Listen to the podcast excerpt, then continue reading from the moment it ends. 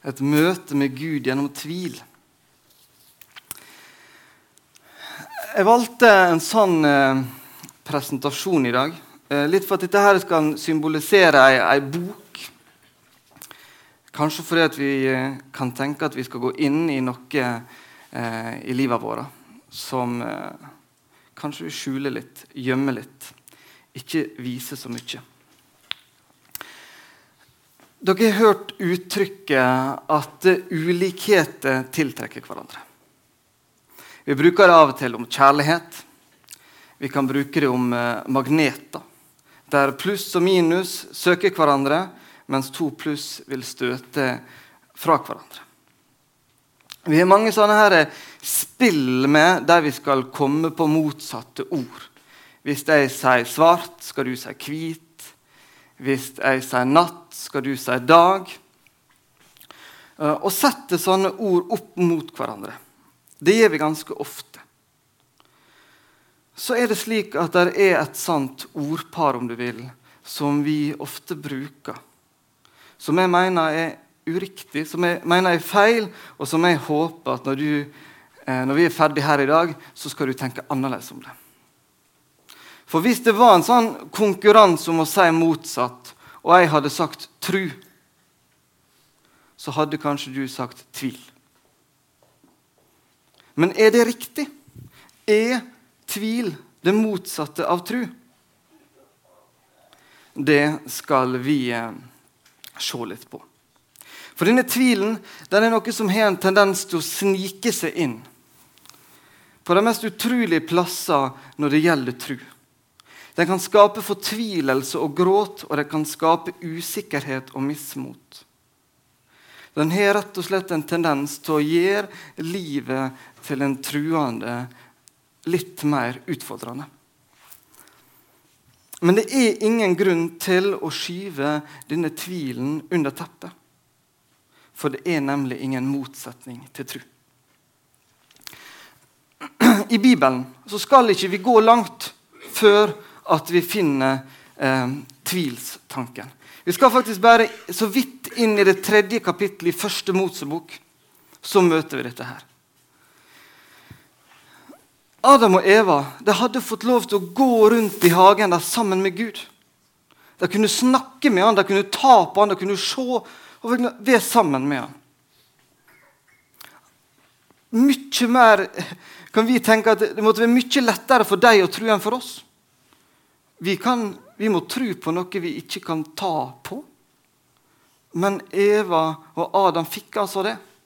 Allikevel så klarte Satan å så inn en så sterk tvilstanke i Eva at hun valgte å gjøre mot Guds vilje, og også lokka Adam til det her. Har Gud virkelig sagt? var dette spørsmålet som djevelen spør Eva.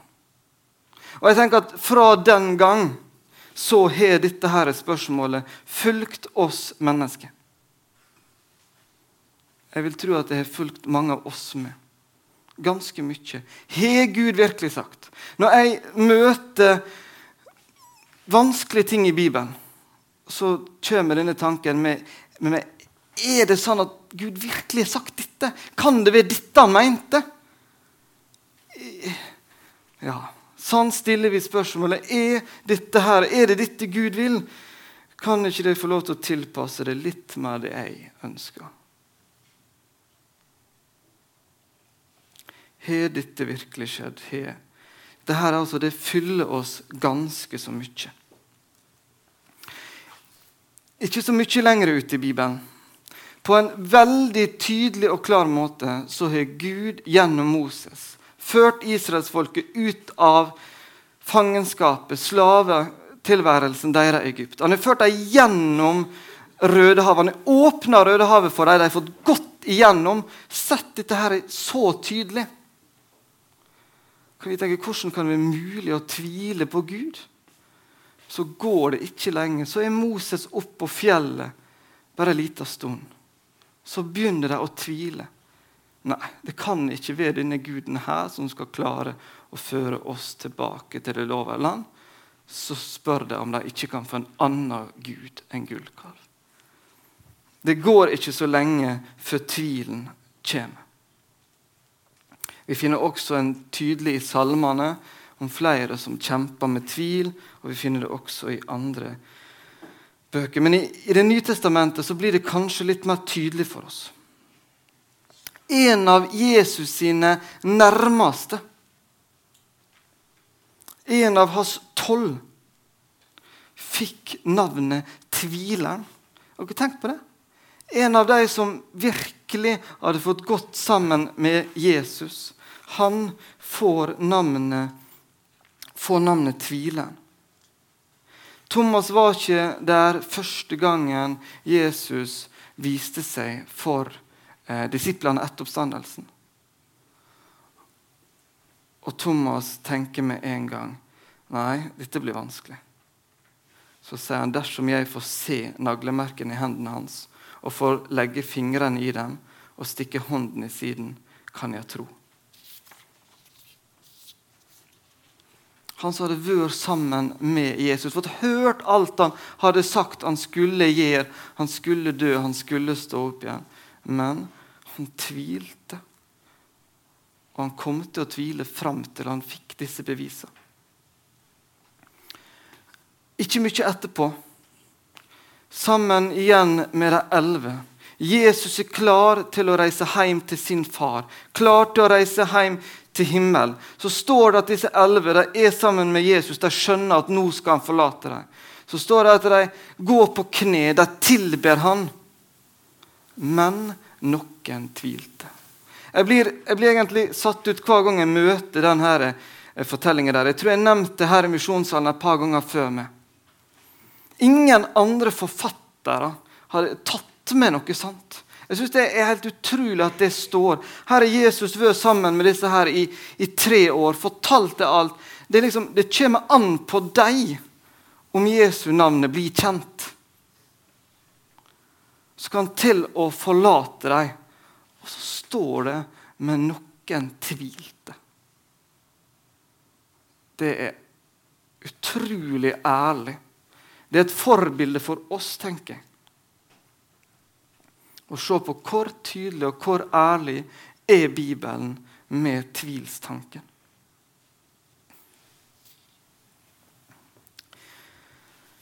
Litt om tvil i ditt liv og tvile i mitt liv. Kanskje er du like heldig som meg, som har hatt ei bestemor som er kristen. Hvis du har det, så har du kanskje opplevd noe av det samme som meg. Eller kanskje du kjenner noen andre. Um, og møter ei, ei bestemor som kanskje sitter der du vet, stadig med folda hender, med et bilde av Jesus på veggen. Det ser så trygt ut. Det ser så godt ut. Det ser ut som det er en sånn harmoni i deres forhold til Jesus. Så har du kanskje tenkt åh, tenk om bare denne bestemora mi kunne fått overført noe av dette her til meg.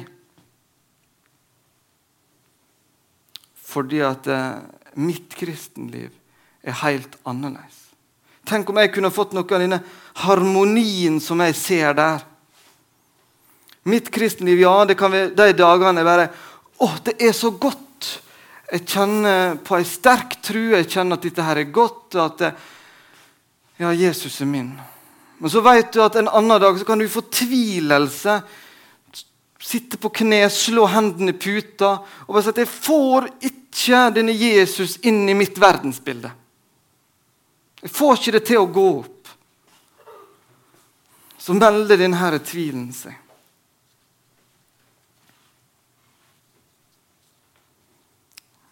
Det er ikke uvanlig, det Tenk Sjansen for at jeg og du har vært helt åpen og ærlig om disse tvilstankene våre overfor andre, er ganske små. Jeg tror at dette er et kjempeviktig tema for eh, smågruppene våre, bibelgruppene, der vi er sammen med andre. Snakke om det her. Hvordan er det egentlig vi opplever tvilstankene våre.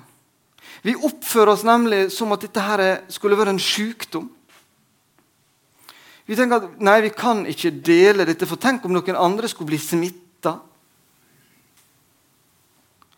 Eller vi tenker kanskje at nei, jeg ser på disse andre kristne. Kanskje du tenker at jeg ser på de andre som jeg møter på søndagene i misjonssalen.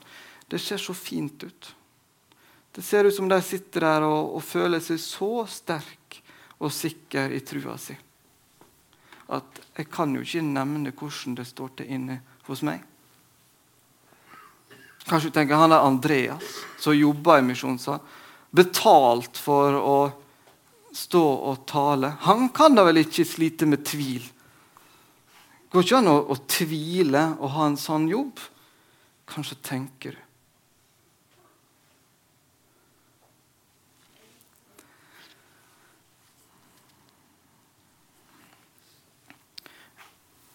En annen ting du kanskje tviler på, er om du skal få lov til å være en av de som får være med Jesus til himmelen. At det er på det personlige forholdet ditt til Gud at tvilen møter seg. Kanskje tenker du at jo da, disse her som jeg går sammen med, de får til dette kristenlivet sitt. Jeg tenker at De får nok være med Jesus hjem. Men, men meg, det går ikke. Altså, Gud vet jo hvordan det står til inni meg, og, og det går ikke an. Kanskje noen av dere fikk med dere at det sto i avisa denne uka Tidligere biskop Per Lønning sa det ganske fint. Han sa det Jeg håper at Gud ser annerledes på meg enn jeg gjør på meg sjøl. Men, men, kanskje du er redd for at han ikke gjør det. Kanskje du tenker at Gud ser på deg slik som du føler det på de litt tunge dagene, og tenker at det, det kan ikke bli meg. Du stiller spørsmål ved om det som skjedde der på korset, om det gjelder deg. Veldig usikker på det.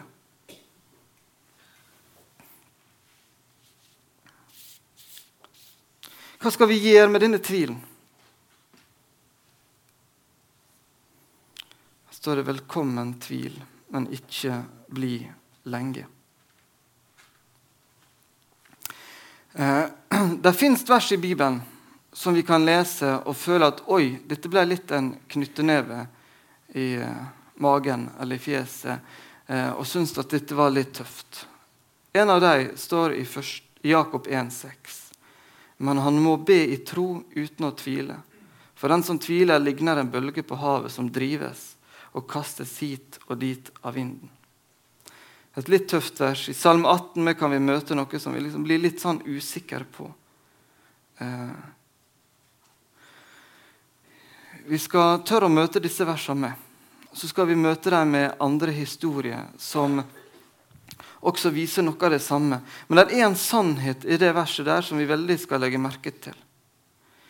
For hvis vi lar tvilen få overtaket, hvis vi lar tvilen få råde, så kan dette her bli realiteten.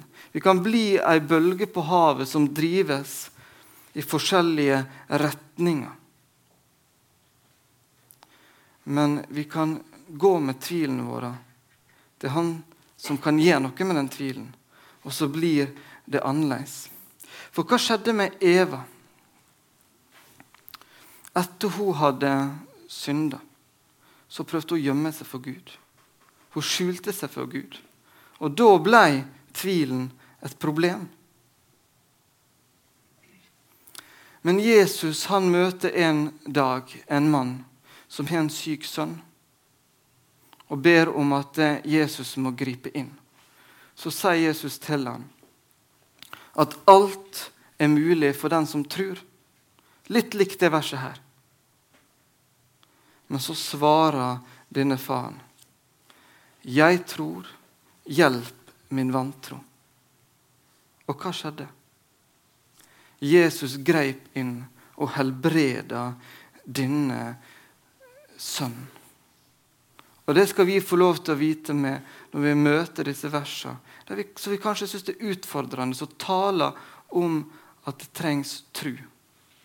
Så skal vi få lov til å, å se på han mannen her. hva han gjør med tvilen sin, med sin vantru.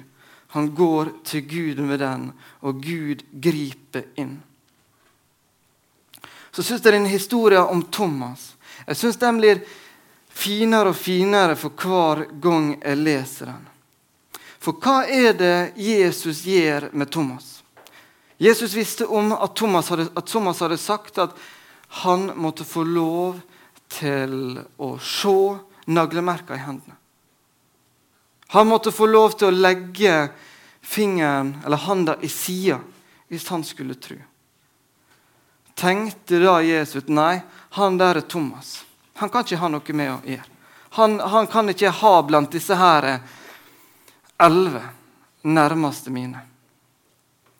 Han gjør ikke det. Jesus går til Thomas. Han oppsøker Thomas, viser fram naglemerka sine. La Thomas få lov til å legge handa i sida. Og så kan Thomas få lov til å tro.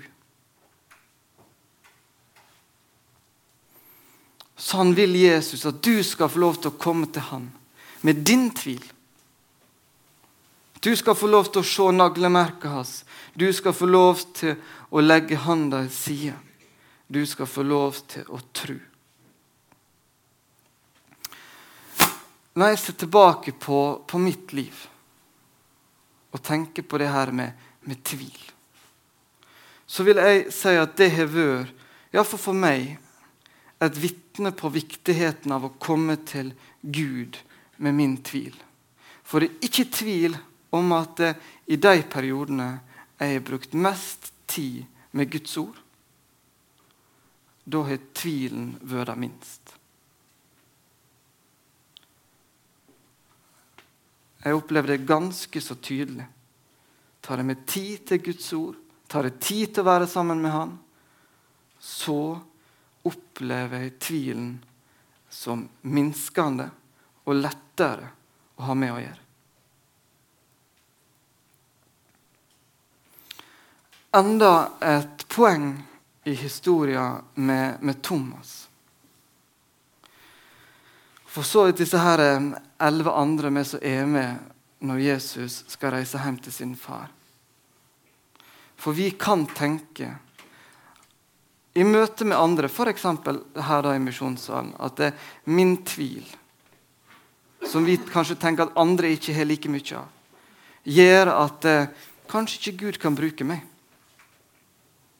Kanskje at min tvil eh, avskilter meg som en medarbeider for Jesus. Men da skal vi få lov til å se på denne historien til Thomas og til de andre disiplene. Tvil er ikke grunn til å bli avskilt av Jesus. De som har tvil, de fyller Jesus med Den hellige ånd. Og med hans kraft skal vi få lov til å være hans sine vitner, uavhengig av hvor mye tvil der er. Tvil er ikke diskvalifiserende. Det er heller kvalifiserende. For der der er tvil, så er det også tru.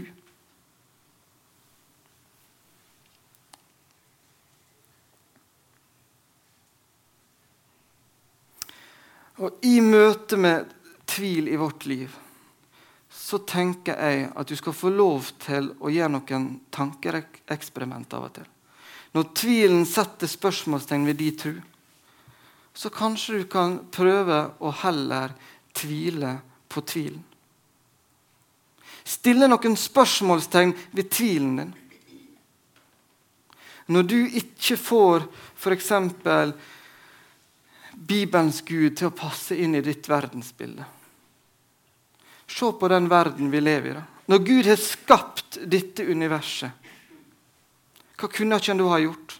Hvis du tenker er det mulig Kan jeg tro liksom, Har Gud, har det virkelig skjedd at uh, Gud sendte en fisk så Jonah kunne være inni i tre dager?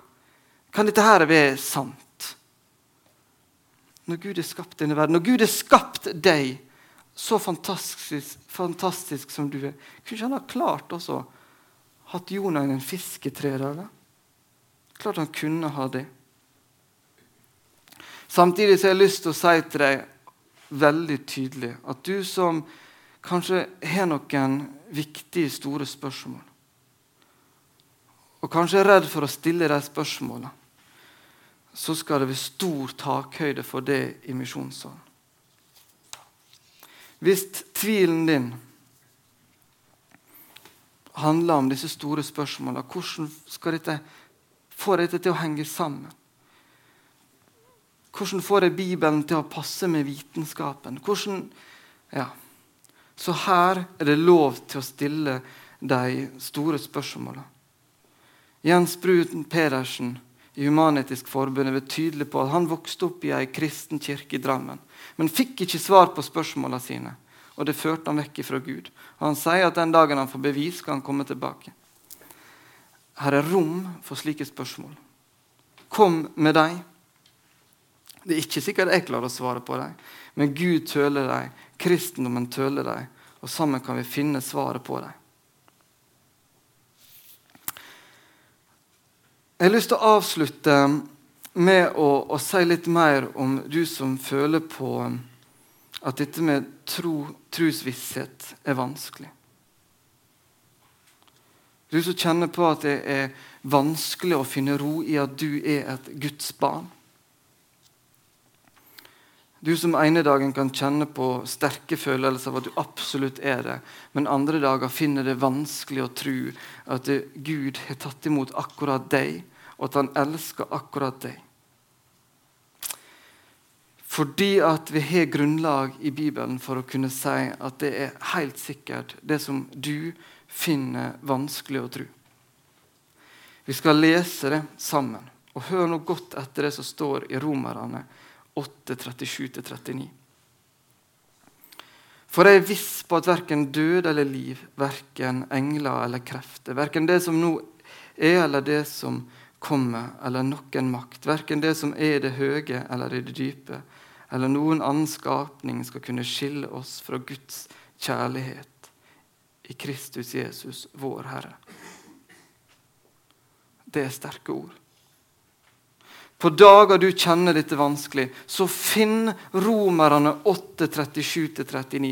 Les akkurat det her. Det er ingenting absolutt ingenting som kan skille deg fra Guds kjærlighet. Jeg håper at du sitter igjen med nå i dag at når noen spør deg om hva som er det motsatte av tru, så svarer du likegyldighet eller vantru. Neste søndag skal vi forresten snakke litt om likegyldighet. Det blir spennende. Men husk at når tvilen kommer, og når du kjenner at den holder på å få tak, få over taket, så gå til Gud med den, og så gå til dine medkristne søsken med den tvilen. Snakk med Gud om den, snakk med mennesket om den. Og husk at absolutt ingenting kan skille deg fra Jesu kjærlighet. Et møte med Gud. Da vil at Gud får slippe til, og han får møte oss gjennom vår tvil. Det er da det kan skje noe med det. Amen.